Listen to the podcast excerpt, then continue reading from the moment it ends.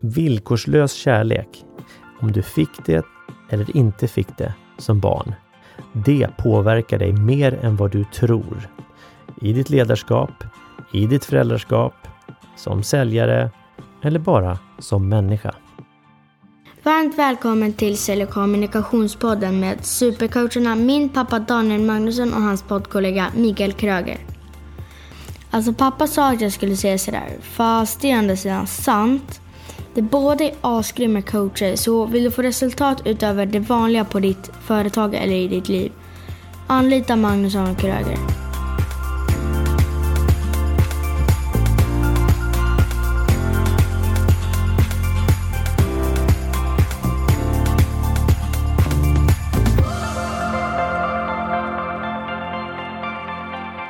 Det här är Sälj och kommunikationspodden med Magnusson och Kröger och idag i studion är det endast jag, Magnusson, här. Dock är jag inte ensam utan jag har med mig Joakim Muschött. Muschött, nu är vi där igen. Ja, vi är där igen. Ja, Ja. Muschött.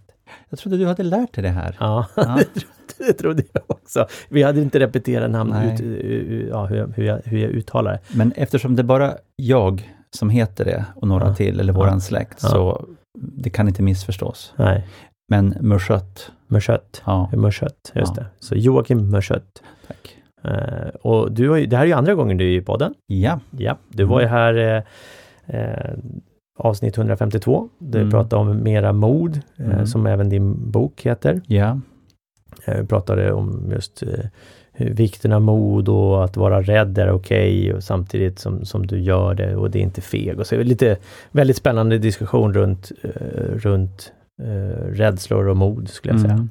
Absolut, Eh. att rädsla och mod hör ihop. Många tänker Exakt. på det som varandras motsatser, Mm. men det är varandras förutsättningar, helt Mm. klart. Mm. Visst. Mm. Så, så du, du är ju författare, du är eh, poddgäst här och du har varit i andra poddar och så vidare. Och du är coach. Vad, vad, vad mer vill du att våra lyssnare ska veta om dig? Um. Jag vet inte. Jag, eh, jag eh, driver ett företag och har jobbat med utveckling av människor i snart 20 år. Och började i mansjouren i Stockholms län och började jobba med människor och höll samtalsgrupper där. Och sen har jag jobbat med karriärfrågor under många år och utbildat mig till coach och jobbar nu hjälper ledare över hela Europa att utvecklas Mm. och bli starkare och framförallt modigare. Mm. Det är det som är att hjälpa ledare att bli modigare. Mm. Det är det jag gör och jag har skrivit den här boken som du nämner, Mera mod. Mm. Ehm, Det första jag tänkte på när du frågade vem jag var, det är det att jag, som jag, jag själv tycker känns väldigt, väldigt bra. Det är att jag för två år sedan, två och ett halvt år sedan flyttade ut till ett timmerhus i skogen. Så jag bor ute på Värmdö i skogen där och med närheten till havet och naturen och man kan plocka svamp på tomten och alltså det är ett jättelyft för hela mitt liv. Mm. Så att det var det första jag tänkte på. Det var det första. Ja. Så du, du är en man som bor i en timmerstuga på Värmdö? Det är den du är? Ja. det är den jag är. Mm. Mm. Och, och den du är eh, hänger väldigt mycket ihop om det vi ska prata om idag, tänker jag. Mm. Inte just du Joakim i det här fallet, utan vi som individer, människor. Ja. För vi ska prata om villkorslös kärlek. ja. Eh, och, och det här pratade vi, vi touchade väldigt lätt vid det eh, sist i förra avsnittet om att vi skulle prata om det. Ja. Och därför sitter vi här igen. Ja. För det är ett otroligt intressant eh, ämne, skulle jag säga. Ja. Och jag tror att det är många som kan uppleva att de inte har fått det och det kan nog vara en, självklart folk som också upplever det som har fått det. Och en del tror jag kanske tror sig ha fått det också. ja, just det. Precis. Så, och vad är det som gör att du går igång på just det här med villkorslös kärlek? Mm, det finns, jag tror det finns tre skäl. Dels så har jag ju haft en egen uppväxt Mm. som, där jag har haft en mamma som har ropat oh la la till allting jag har gjort. Allt jag har gjort har varit bra. Det har Mm. varit ganska gränslöst. Mm. Eh, och en pappa som har varit raka motsatsen. Och det har ju gjort att jag eh, har känt mig otroligt stark på grund av vad, vad min mamma har gjort. Mm. Men, och, och jag har känt att jag har saknat någonting eh, på grund av vad jag inte fick av min pappa. Och det där började jag reflektera över då när jag var ungefär 35, nu är jag 57. Mm. och ser hur, hur stora spår det sätter i en, hur uppvä vad ens uppväxt sätter i en. Och inte, och hur jag har försökt att kompensera för det där på, på väldigt många sätt. Eh, Och gör fortfarande. Mm. Det är det ena. Det andra är att jag blev intervjuad av en kvinna. Jag träffade en kvinna på en fest för många herrans år sedan. Hon gjorde någon form av avhandling Mm. om villkorslös kärlek och hur uppväxten hade påverkat en mängd olika människor. Och hon intervjuade mig och jag fick läsa utdrag ur vad de andra intervjupersonerna hade skrivit, vilket var jätteintressant. Jag kände igen mig jättemycket i detta. Mm. Och det tredje skälet, det är att jag ser att, jag pratar ju, vi pratade ju om mod Mm. förra gången, och Mm. mod bygger på fyra pelare. Mm. Först alltså på sårbarhet, att kunna vara sårbar. Eh, att känna vad man känner och att våga visa det. Mm. Det andra är då eh, självtillit, att jag litar på den jag är. Och att sen är det tydliga värderingar. När är det viktigt att vara modig? Var ska jag vara modig någonstans? Vad är viktigt att stå upp för? Vilka strider ska jag ta? Och den fjärde delen är kunskap om hur jag reser mig. För när jag springer utanför komfortzonen och tar risker så kommer jag springa på pumpen. Jag kommer att misslyckas, jag Mm. kommer att jag kommer att falla, jag kommer att eh, begå misstag. Och vet jag då hur jag reser mig, vet jag hur jag tar mig vidare genom det här, då kommer förutsättningen och min, min drivkraft för att vara modig kommer att öka. Mm. Så självtillit, tydliga värderingar, sårbarhet och kunskap om hur jag reser mig, det är Mm. modets fyra pelare. Men jag ser att det finns en femte Mm. och det är prestigelöshet. Det vill säga, om det inte gör någonting att du tappar ansiktet. Det gör ingenting att du misslyckas, det gör ingenting att du blir generad.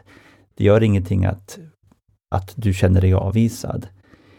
Eh, Så kommer, så kommer du våga vara modig oftare. Din komfortzon kommer att, kommer att expandera.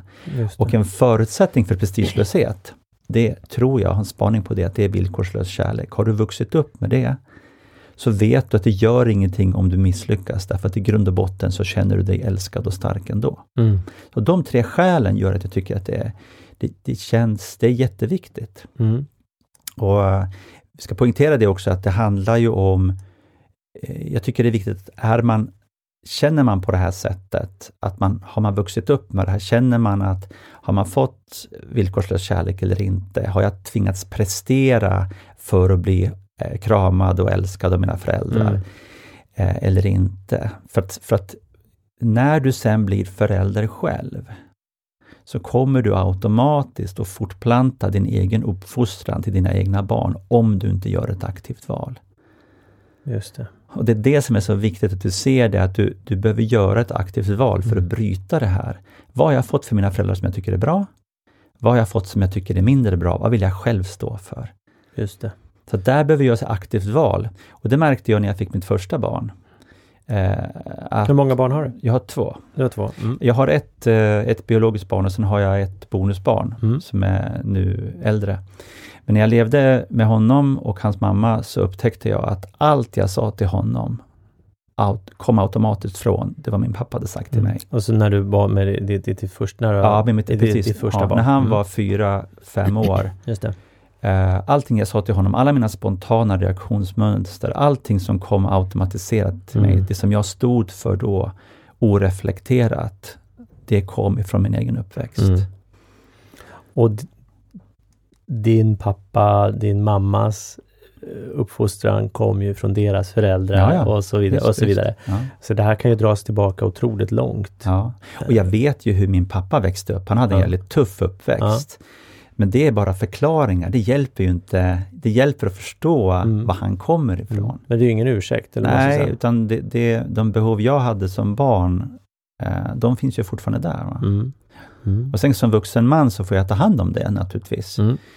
Men jag tänker mig att det är otroligt viktigt att ska man skaffa barn så bör man tänka på det här. Mm. Sen tror jag inte att det, alltså när vi är Eller om man vuxna, har barn. Eller man har barn. Mm. Men sen när vi är vuxna så hittar vi ju partners som vi ingår relationer med och då Mm. tror jag inte på att vi kan ha en villkorslös kärlek därför att Du tänker mellan två vuxna? mellan två vuxna personer, Ja. Mm. menar, då, vi, vi förväntar oss någon form av utbyte, vi går in i en Mm. relation, vi blir förälskade och kära, då förväntar vi oss någonting. någon, någon, någonting, någon form av utbyte av vår partner. Eh, och får vi inte det så behöver vi prata om det och får vi i alla fall inte det, då, får vi, då kanske vi ska söka oss någon annanstans. Mm. Just det. Just Så att... Eh, Så villkorslös kärlek är någonting som barn ska ha. jag, ska ha, för, Ja. jag tycker att man ska ha det från Ja. sina föräldrar. Ja. Eh, det är alldeles för många föräldrar som lever ut sina egna, eh, sina egna liv genom sina barn. Oh ja. Eh, Jag varit inte fotbollsproffs. Nu ska mina barn bli det. Ja, jag tänkte precis exakt på det där. Jag menar, jag också har ett... Eh, min son när han var liten så uh, spelade han fotboll. Ja. Och alla som står då längs sidlinjen och skriker på sina barn, skriker på dem och sen skri- först skriker på dem när de gör fel. Och också hurrar när de gör, när de gör rätt naturligtvis. Men jag har sett för mycket av detta och sen Mm. så har jag ju hållit på med utveckling av människor i snart 20 år. Mm. Och um, många som jag träffar, en del som jag träffar, de, de berör det här som en, en faktor i deras liv, Mm. Mm. faktiskt, som har Mm. stor betydelse. För det det handlar om, eller det som händer där är ju då många gånger att om du inte som barn känner villkorslös kärlek då, eh, så det är bara som, som jag var inne på där, barn ska då känna och få villkorslös kärlek. Vuxna är mer medvetna om att där är det ett utbyte på ett annat sätt. Ja. Liksom, i, och där du i någon form har en förväntan att få någonting tillbaka och Ja. så vidare. Man pratar om ge och ta, eller ge och få, eller ge Mm. för att ge och så vidare. Mm, mm. Ehm, och för det som händer då, det du är inne på då, att, att, vi tar det exemplet att du då eh, ska spela fotboll och sen så lever föräldrarna ut sin, sin egen barndom som de inte riktigt fick tillgodosedd, kanske i någon form. Mm. Så slutar det med att de eh, får barn som egentligen bara ska prestera. Ja, För det är väl det som blir problemet, skulle jag säga, att de Mm. börjar prestera för att de det är då jag får uppskattning. ja, exakt. Och det här, eh, Det duktig flicka, ja, duktig, duktig pojke. flicka, duktig pojke, men Ja. vi har ju det vi, vi kallar för anknytningsmönster. Just det.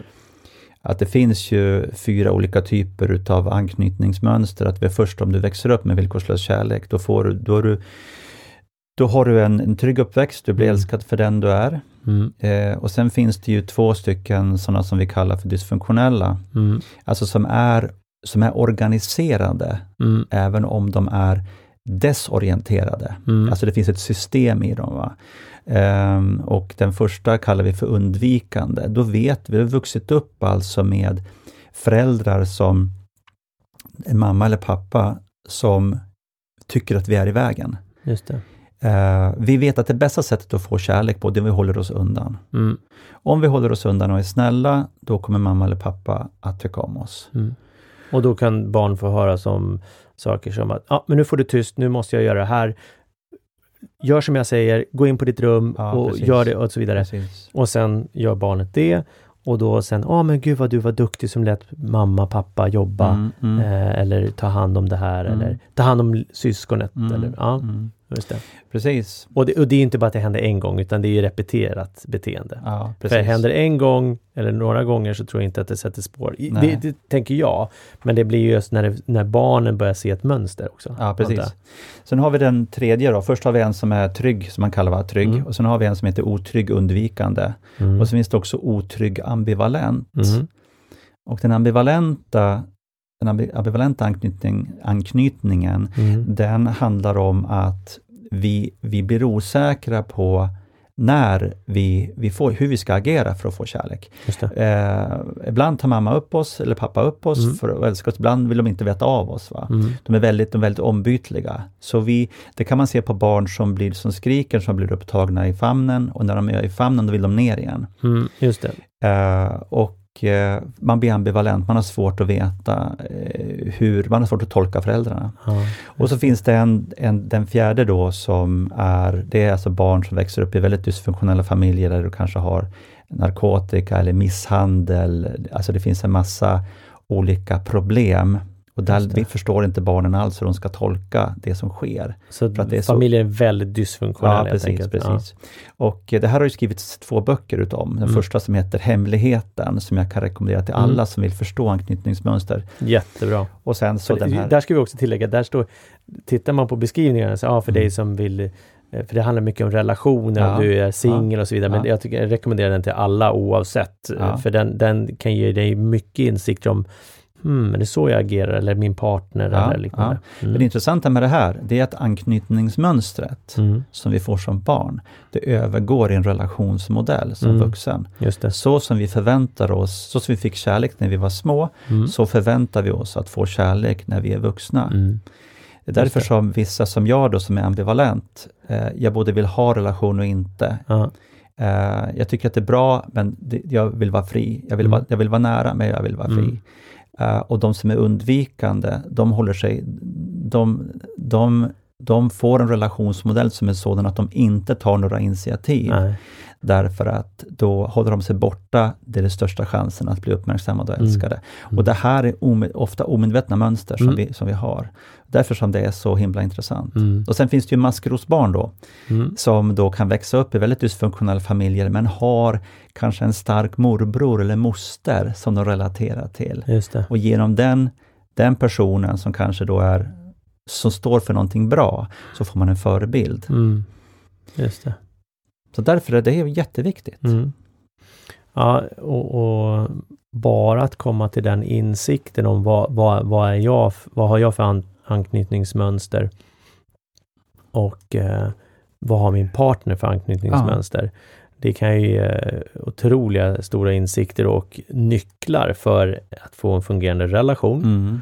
Och prata om det och säg då att du håller på och ut och letar partner i någon form eller dejtar någon och så börjar du säga, Mm. men varför ringer de inte för? Ja, precis. Eh, de sa att de ska, ja men då kanske de är undvikande eller Ja. ena stunden så var- så pratar åh vi- jag vill ha dig, bla, jag älskar dig och, Ja. och nästa stund så är det långt bort, ja då är det kanske ambivalent. Ja, visst, absolut. Mm.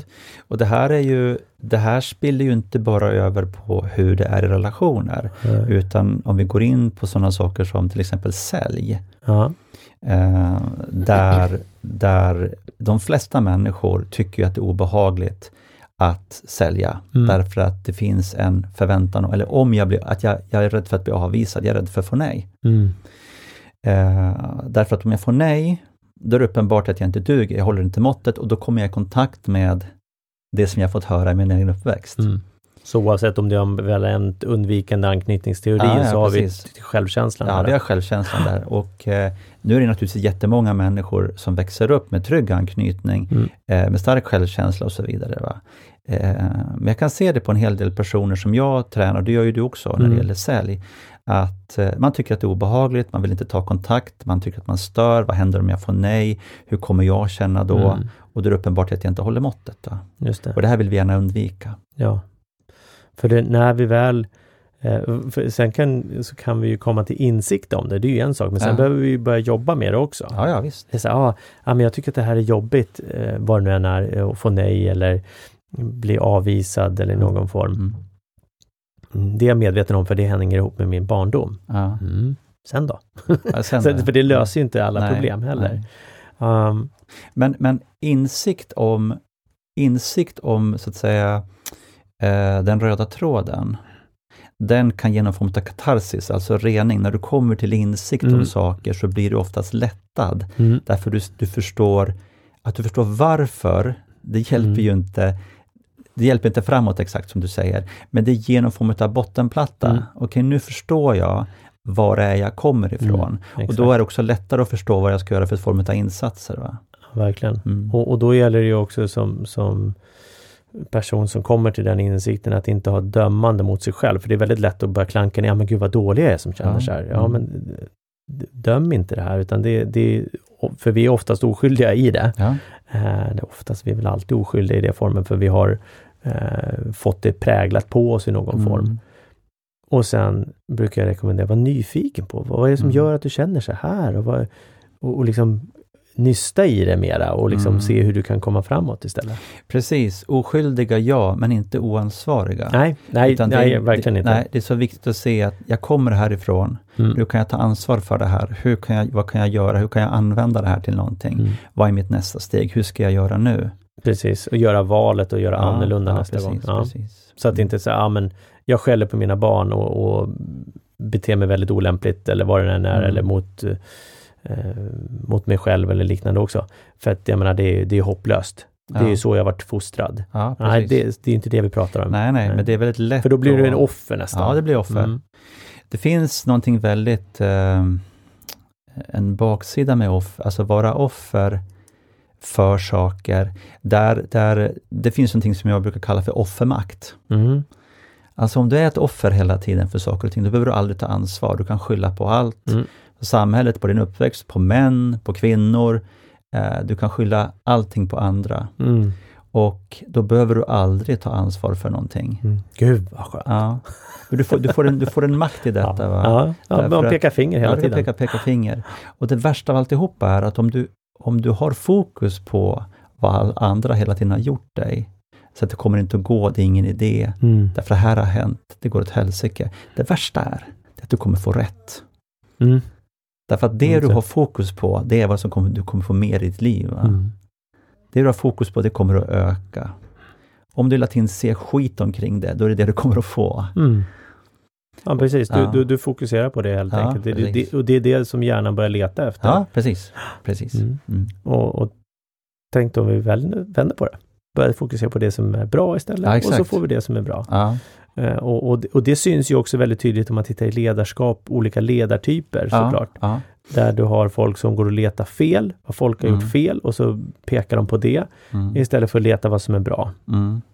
Det är precis de två stycken kännetecknen som finns i en bristkultur. Mm. Vems fel är det? Mm. Och vem ska jag vara rädd för idag? Vems fel är det och vem ska jag vara Ja, rädd för? precis. Vems fel är det? Mm. Och vem ska jag vara rädd för idag? Mm. Det som är ut, utmärkande för bristkulturer inom företag. Mm. Mm.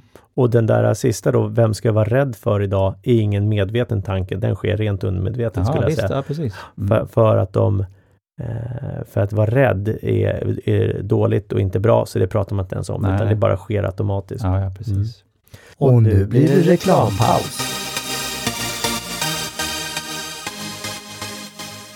Framgångsnätverket vänder sig till dig som är egenföretagare, småföretagare eller inte passar in i en traditionell organisation. Det vill säga du som egentligen vill mycket, mycket mer. Nätverket startades efter en idé om att people needs people och du får möjlighet att träna på försäljning, marknadsföring, coachning, ledarskap med jaget i fokus. Du kommer helt enkelt få träna med olika verktyg. Du kommer även få hjälp med utmaningar. Du kommer få möjlighet att hjälpa andra människor med deras utmaningar. Du kommer ha en egen supportgrupp som hjälper dig bli mer framgångsrik och lyckas med det du vill lyckas med. Och det här gör vi genom att träffas kontinuerligt. Den andra måndagen i ny månad mellan klockan 14 och 17. Så du får nio stycken träffar. Du får också AV, after work, efter träffarna. Du får en sommarlunch, en julmiddag, en gåva och en bok.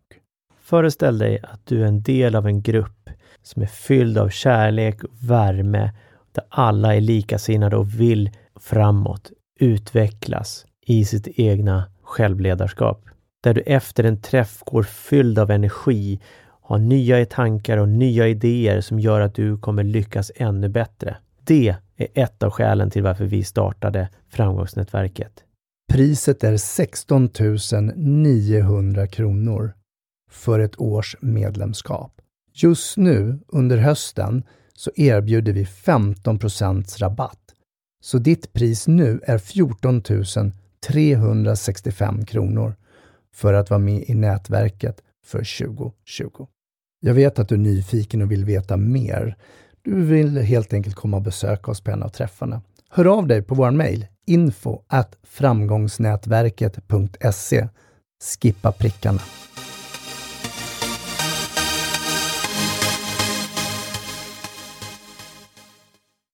den här äh, villkorslösa kärleken med att då skapa den här tryggheten, den trygga anknytningsmönstret. Mm. Vad, vad är det som har hänt med en sån person som gör att den personen känner sig trygg då?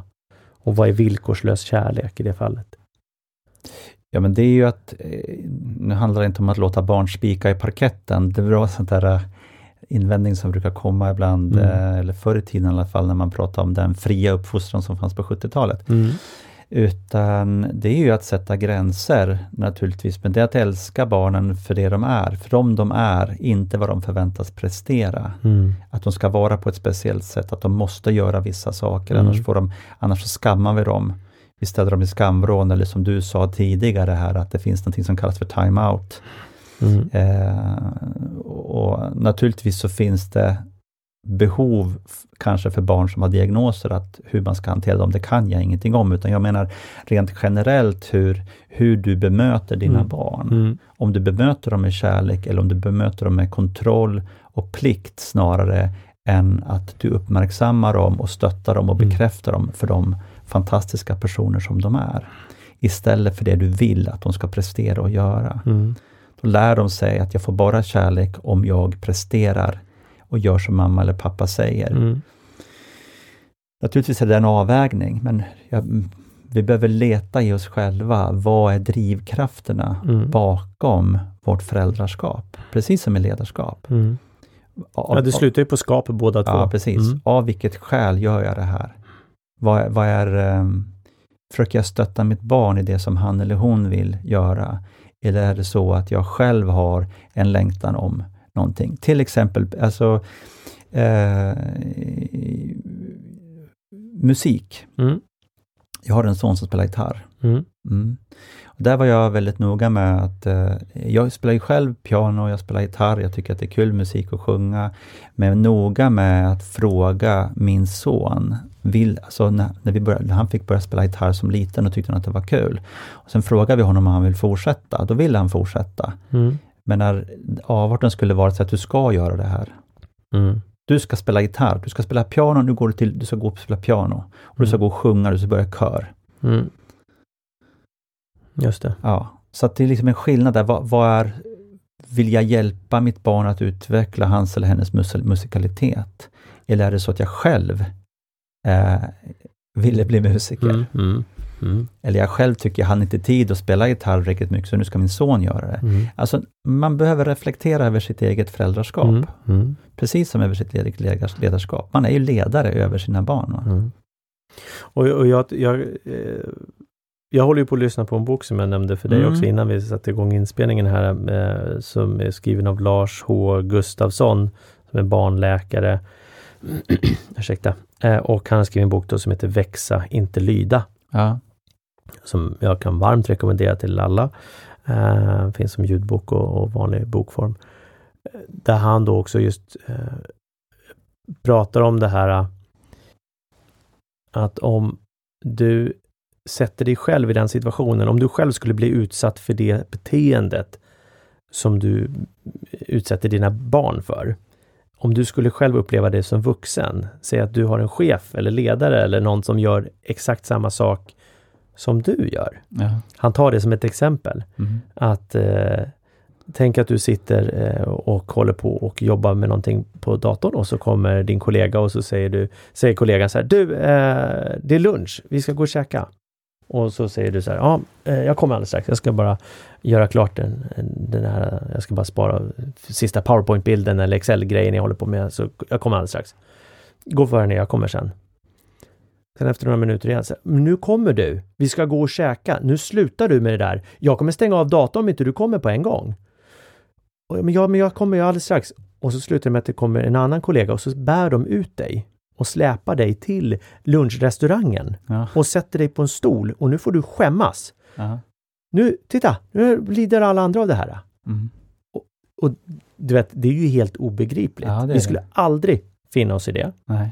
Eh, vi skulle säga upp oss förmodligen på en gång, Mm. förhoppningsvis, Mm. om vi ska hamna i en sån situation. Ja. Och då använder vi det, det, den liknelsen till hur eh, barn många gånger får utstå eh, i form av att nu är det bara att stänga av. Alltså man har ingen förståelse och så går man in och eh, dominant bara styr allting. Ja. Eh, istället för, och då kan man ju titta på hur skulle jag känna mig? Hur känner jag mig om jag är med i en sin- sån situation som jag då Mm. typ beskrev? Mm. Jag skulle må piss, jag skulle känna Mm. så värdelös och inte värd någonting. Mm. Och det är exakt samma känsla som barnen får. Ja, precis. För det är även det är barn. Och en del, tittar man då eh, längre tillbaka, tror man barn drog inte skada av sånt. För det var barn. Mm, ja, precis. Eh, så jag menar, vad, vad, ge ett barn ett örfil, jag menar herregud. Mm. Det är bättre att eh, ge, ge en liten smärta istället för att hålla på psykiskt nedtryckande. Mm. Ja, men det har ju visat sig att det, det sätter ju lika mycket spår ja, såklart. absolut. Så bara att, att själv, själv reflektera i en sån situation Mm. eh, skulle nog underlätta för många föräldrar att, Mm. kan, att, att ett sätt att bryta sitt mönster. Ja precis, med detta sagt också så ska jag villigt erkänna att jag eh, under, under en hel del av min sons, eh, mitt andra barns eh, uppväxt så har jag, jag, precis som många andra, varit väldigt dålig förälder. Mm. Alltså jag har sagt saker som är under irritation och så här till honom som inte har varit bra, Mm. verkligen.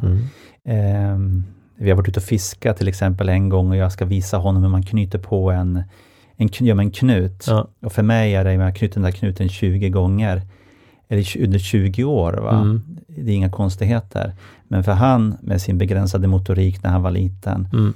som ska knyta den där knuten. Mm. Och jag själv tycker, hur svårt kan det här vara? Jag har ju visat det en gång. Ja. Så här knyter man. Vad håller du på med för någonting? Ja. Och sen när jag hör mig själv i detta, va? Eh, så jag har lärt mig att säga till honom, vet du vad? Det jag sa till dig nu, ja det här var inte bra. Jag hade en för tråkig ton, jag har för dålig ton till dig och jag ser att du blev ledsen. Jag är jätteledsen för det jag sa. ja, precis. Och det, det är, det, jag har fått svar från honom där han, han säger att, ja men jag vet pappa, jag vet. Mm. Och eh, det där har, jag tror, hjälpt mig jättemycket att dels eh, förstå vad som är bra, vad som är Mm. mindre bra, men också hantera mina egna skuldkänslor över att jag själv inte håller det mått Mm. som jag tycker att man ska göra som förälder. Mm. Så jag beter mig illa mot mitt barn och jag behöver ta ansvar för det genom att be om ursäkt, säga Mm. att det här var inte bra, Mm. istället för att bara skylla över och, och, och låtsas om som det inte hände. Va? Ja, precis. För det är då du också får mer respekt eh, hos barnen. Alltså de, de värderar ju dig högre också. Mm. För annars så får du ju den här eh, och tack för att du delar ska jag säga också. Mm. Och, och, och, och det, det är ju sådana här eh, misstag som jag har gjort. Mm. Eh, alla föräldrar gör misstag. Mm. Eh, det viktiga i det här tycker jag är att, att komma till insikten, vänta det där var inte bra. Och faktiskt be om ursäkt och sen börja titta på hur kan jag ändra det här beteendet. Ja. För att, för att kommer du med ursäkter hela tiden Mm. till ditt barn om att, ja, ah, förlåt, Mm. nu svor jag åt dig, nu skäller jag ut dig igen. Mm. Eller eh, Gud förbjude vissa Mm. som kanske tar i för hårt eller slår sina Mm. barn eller liksom Mm. bete- Skulle du acceptera det själv? Nej, det Nej. skulle vi inte göra. Och det, och det som den, en av de utvecklingarna som jag själv har genomgått, jag är ingen mönsterpappa på något sätt, utan Väldigt få av oss men, som är ja, det. men Mm. ett, en, en utveckling som jag har genomgått är att jag är diabetiker också. Mm. Och ibland när jag har lågt blodsocker så kan jag ha lättare att, jag kan känna av att jag lättare blir lättare irriterad Mm. med lågt blodsocker. Mm. Och då har jag blivit bättre på att säga att jag, jag känner att jag har lågt blodsocker nu, så jag behöver vara för mig själv en stund, Mm. eller jag behöver, jag, jag behöver göra en egen sak nu. Jag behöver se till att vi behöver vänta med det vi håller på med för att jag har för lågt blodsocker. Jag behöver, jag behöver få upp det innan vi fortsätter med det här. Just det. Och det, det, Eh.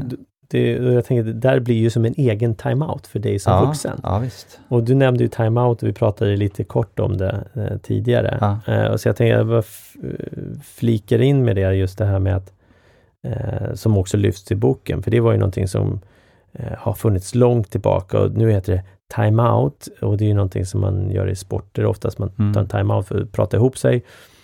Eh, men förr hette det skamvrån. Ja. Eh, skulle stå i ett hörn med en strut på eller man skulle sitta på en stol och man skulle bli uttittad och skrattad på Mm. etc. etc. Mm. Och sen så kom det här tillbaka Eh, väldigt populärt i, i anglosaxiska länder mera, typ USA, Mm, mm. eh, England och sådana saker. Men det har varit även populärt här i Sverige. Mm. Återigen på typ 90-talet. Där man då hittade ett sätt att man kunde då kontrollera barnen. Ja. Och, och lyssna på den här boken som sagt, eller läs boken som jag pratade om förut, den här Växa inte lyda, för där Mm. går han igen- igenom där och det blir så här makabert hur det är. Mm. Men där är det ju då att man ska då eh, ge barnet en time-out. Då ska de sätta sig på en stol eller du kanske ska stänga in dem i ett rum och de får inte komma ut och så vidare. Eh, vilket också strider mot barnkonventionens eh, liksom barnsyn och barnens värde. Mm. Och då är det då, beskriver han i boken hur då tanken är med en time-out är att fem minuter ska barnet vara tyst och du ska ignorera barnet. Mm. Och, och nu kommer vi på att du börjar ignorera någon. Ja, hur känns det om du blir ignorerad av någon? Ja, du börjar må dåligt och din självkänsla Mm. sjunker. Mm. Och egenvärdet eh, får en törn ordentligt. Och i det här fallet då så blir det att om du fortsätter skrika som barn, Mm. då nollställs tiden till fem minuter. Och det, eller, man tar en minut per år. Är det då. Så är du två år, ja, då är det två minuter. Är du då åtta år, ja, då blir det åtta minuter. Eh, och sen eh, när de har då varit tysta då i helt åtta minuter och du ignorerat dem, ja då är det bra igen. Men är, är inte det här, förlåt jag bröt dig. Ja, det är ingen fara. Ja, men, det- Ja, men är, är inte det, det du, det du pratar om nu, Mm. det är den här som eh, har varit supernanny? ja, super, ja precis. Ja, men, exakt. men handlar inte det om barn med, också med diagnoser och... Nej, utan Nej, det, här, okej. det här är ju, och även om du skulle ha en diagnos så blir det ju fortfarande eh, fel sätt skulle jag säga. För att Ja. det blir ju återigen även en, en, en barn med någon sorts diagnos, whatever, av alla som finns, så har ju de också en känsla i sig och självkänslan blir ju lika törnad där. Mm. Eh, utan det här är ju liksom bara barn som är jobbiga, typ, Ja. eh, som inte sköter sig då enligt Mm. föräldern och så vidare. Eh, och då tänker ju föräldrar, och just det jag skulle komma till, att du tog ju en time-out då. Ja, men Mm. Du kände att blodsockret var lågt. Mm. Eh, känner jag som förälder att, att det börjar gå överstyr Mm. och det gäller att ingripa fort. Det har jag märkt själv Ja. Eh, och jag är inte alls bra på att ingripa fort. Alltså i, i, i mitt egna beteende, Ja. att ingripa där. Är att ta en time-out. Och det är egentligen bara så här, ja, nu behöver jag vara själv Mm. och gå därifrån. Mm. Mm. jag, gå på toa eller någonting. Alltså Mm. bryt mönstret. Ja. För, och, för det här är ju någonting som det spelar egentligen ingen roll om vi har med barn att göra eller vuxna. Om vi kommer in och, vi, och energin och eh, känslorna börjar bubbla, Mm. eh, då hjärnan slutar ju funka. ja, just det. Jag tänkte på det som du snackade om med skamvrån, Mm. för att längre tillbaka så fanns det ju skampåle.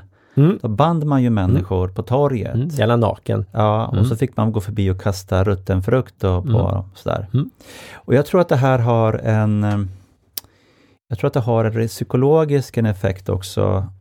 Alltså dels så straffar man ju den här personen som Mm. står där, Mm. men det har en psykologisk effekt för dig som kastar rutten frukt. Därför att du kan projicera, projicera alla dina Mm. egna tillkortakommanden Mm. på den här personen som står vid skampålen. Mm. Så att du får... Du, sk- att du blir av med ditt eget just skit. Mm. Eh, genom att den som står där är värre än vad du är. Mm. Och då har du också rätt att bespotta den. Mm. Och på samma sätt, vi har inga skampålar idag, men vi hittar ju hackkycklingar. Mm. Det, det, det, det, finns mobbing som, eh, Mm. både i skolor och på företag. Mm. Beteendet fortgår ju. Mm. Ja, och all, allt det här hänger ju ihop. Ja. i, i någon form och, och vi, vi ja, rentvår oss egna samvete Ja, kanske då, så ja, vi kastar frukt Ja. eller kastar skit eller mobba någon eller Mm. sn- snacka skit om någon i, i, i matsalen eller liknande. Eller lunchrummet. Mm. Eh, eller peka finger och inte ta ansvar för sina egna, eh, sina egna tillkortakommanden. Mm. Mm. Eh, så att, och ja, Jag tror att i många fall så är de där är de väldigt omedvetna. Man, Ja, anser, oh ja. sig, man anser sig ha rätt att göra att mobba någon därför att de är dum i huvudet Mm. eller att det är en person som alltid är lat och slö, då har Mm. man rätt att snacka skit om den. Mm. Men går vi tillbaka till det här med villkorslös kärlek, så det, det man ska göra, det man bör göra, det alla bör göra, det är att reflektera över vem, vad har jag fått med mig från min egen uppväxt som Mm. är bra? Mm, Vad har jag fått med mig som är bra? exakt. Vad vill jag själv stå för? Vad har jag fått med mig som inte är så bra? För att det gäller att göra aktiva val när du är, när du är förälder. Mm. Det som är viktigt. Mm. exakt. För det är då det faktiskt kan bli en förändring. Ja. Så om vi ska börja runda av. ja. Vad, hur, hur ska de som lyssnar, även jag, du, hur ska vi göra för att ändra våra beteenden? Det är reflektion som du säger. Att, Ja, det, det är en sån reflektion. Jag tycker också att man ska läsa den här boken Hemligheten. mm, Eh, nu kommer jag inte ihåg vem Dan Josefsson heter han, tror ja, jag. något sånt. Ja, Googlar man på Hemligheten, det är två stycken, eh, en reporter och sen är det en psykiater som har skrivit den där boken. Mm. Eh, Den tycker jag att man ska läsa, Mm. därför att det är bra att få syn på vad man har för eget mönster och fundera över vem jag är som förälder. Mm. Vad, vad står jag för? Vad står min partner för? Hur, har vi, hur vill vi fostra våra barn? Vad har varit bra när jag växte upp? Vad vill jag, vill jag föra vidare? Mm. Vad vill jag inte föra vidare? För att gör vi inte det, då kommer vi att automatiserat fortplanta vårt egen uppväxt. Just det. Eh, det är vad jag tycker. Sen tycker jag att föra, föra diskussioner med, med andra. Mm. Ehm, man kan gå och prata med någon, man kan gå och prata med en coach eller Mm. med en terapeut Mm. naturligtvis om ehm, vem man är och vem man vill vara. Och sen hitta strategier för att komma dit. De här strategierna är ju oftast individuella. Mm. Oh ja. Så att, eh, Alltså prata om strategi blir ju lite svårt för det är olika drivkrafter Ja, är och olika, absolut. olika anknytningsmönster och Ja. alltihopa. Så att, Men ja. börja, med, börja med där, börja reflektera över sin Ja. egen uppväxt, läsa den där boken Hemligheten. Sen, vi har, den här boken som du pratar om har jag Mm. inte läst, men Nej. den låter ju jättespännande. Ja. Så den vill jag också titta på. ja, så den, den skulle jag ju rekommendera. Sen skulle jag också rekommendera eh, att lyssna på din bok. Ja, Eh, och, och Joakim har inte sagt att jag ska säga det, utan, jag, utan verkligen lyssna på den mera, för den går också in i det här, eh, du berättar ju också om, om, om din egen barndom ja, eh, och hur, hur du har påverkat dig och insikter med det och så vidare. Och framförallt också för det, för du, du säger att du lyssnar då på, eller läser den här anknyt, om anknytningsteorin, den här ja, hemligheten. Eh, sen så gäller det ju att kunna vara modig och, och förstå skillnaden mellan mod och, och eh, rädsla och att vara feg och sårbar. Mm, Att- Så mm. den skulle jag också rekommendera. Jag säga så här, jag tar två kapitel, ett om mod i föräldraskapet och ett om mod i relationer. Just det. Och eh, det här hänger ju lite grann ihop. Därför att all, all förändring kan ju vara besvärlig. Många vill ju ha utvecklingen, man vill ha resultatet. Just Men det. det kan vara besvärligt att göra själva jobbet. Mm. Eh, så att eh, förändring kan kräva mod, så därför så absolut, tack för att du rekommenderar boken. Den finns ju både i ljudform och i bokform. Just det. Mera mod. Mera mod. Mm. Eh, och sen har jag en till bok som också eh, jag skulle rekommendera. Den andra bok, eller ja, jag vet- inte ens vilken ordning det är alla böcker vi har pratat om då. Men det är en bok som heter Medkänsla för barns självkänsla. Ja, skriven av Petra Krantz Lindgren. Som också pratar mycket det vi har pratat om idag, går på djupet med det, pratar också om eh, det här med giraffspråket eller non-violent communication. Det lyfter väl också du i din bok också? Ja, till precis. Mm. Mm. Och jag kan säga så här, jag har ju lyssnat på, på alla de här böckerna och jag kan ju få skuldkänslor, jag kan få skampåslag när jag lyssnar på det och känna så här, åh herregud, vad har jag gjort för någonting? Jag har förstört allting. Åh, så. Och det är ju fantastiskt att inte känna så, men, men att komma till den insikten, Ja. för det är då jag faktiskt kan göra någonting. Mm. Eh, och, och jag tänker så här, jag har eh, två söner, en som är två och ett halvt och en som är, blir tolv snart. Jag tänker så här, ja men tänk om jag skulle komma till insikt med det här eh, om 20 år. Mm.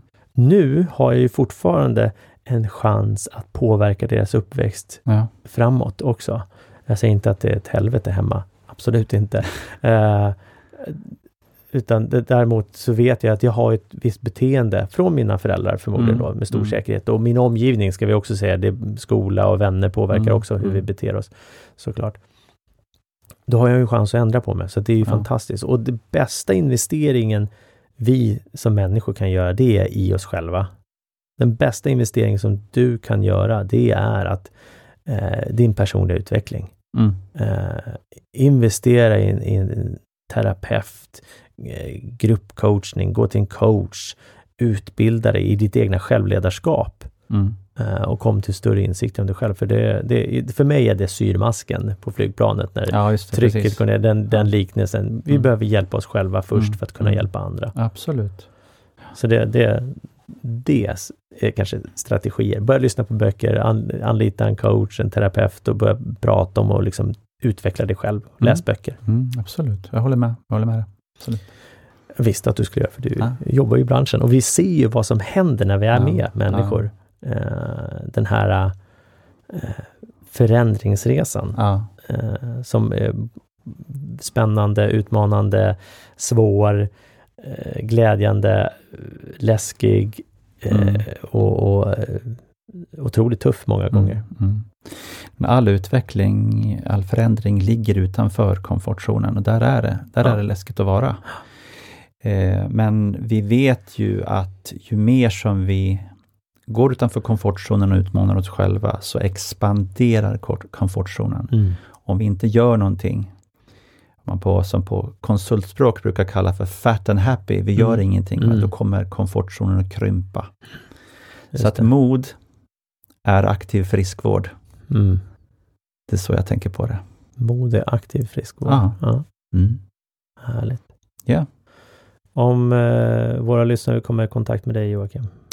Då hittar man mig på eh, antingen på skifta.se Mm. eller på akademinformod.se. Skifta.se är väl det kortaste och enklaste. Mm. Där finns jag. Där finns du. Ja. Fantastiskt. Mm. Och eh, in och lyssna på avsnitt 152 om du inte har gjort det. In och lyssna på böckerna som vi rekommenderade. Och eh, med det så säger vi tack och tack Joakim för att du kom hit igen. Tack så mycket Och se till att sprida villkorslös kärlek. där till era ute. barn. Ja, till era barn, till alla som du känner runt omkring dig. Så gott du kan. Mm. Tack. Tack för att du har lyssnat på det här avsnittet.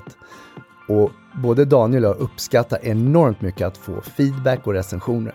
Så Daniel, hur gör jag för att skriva en recension? Du går in på iTunes och sen sätter exempelvis då fem stjärnor och sen skriver du även en kommentar om vad du tyckte var bra med just den här podden. Och svårare än så är det inte. Och om våra lyssnare vill följa oss då på olika sociala medier, vart hittar de oss? De hittar oss exempelvis dig, hittar mig ju på coach Kroger på Instagram. Mig hittar den på coach Magnusson på Instagram och sen har vi även då Magnusson Kroger som är då för själva podden. Och nu sitter ju våra lyssnare och så tänker åh, den där personen skulle jag vilja att ni har som gäst. Eller att ni tar upp det här ämnet. Vart hör de av sig?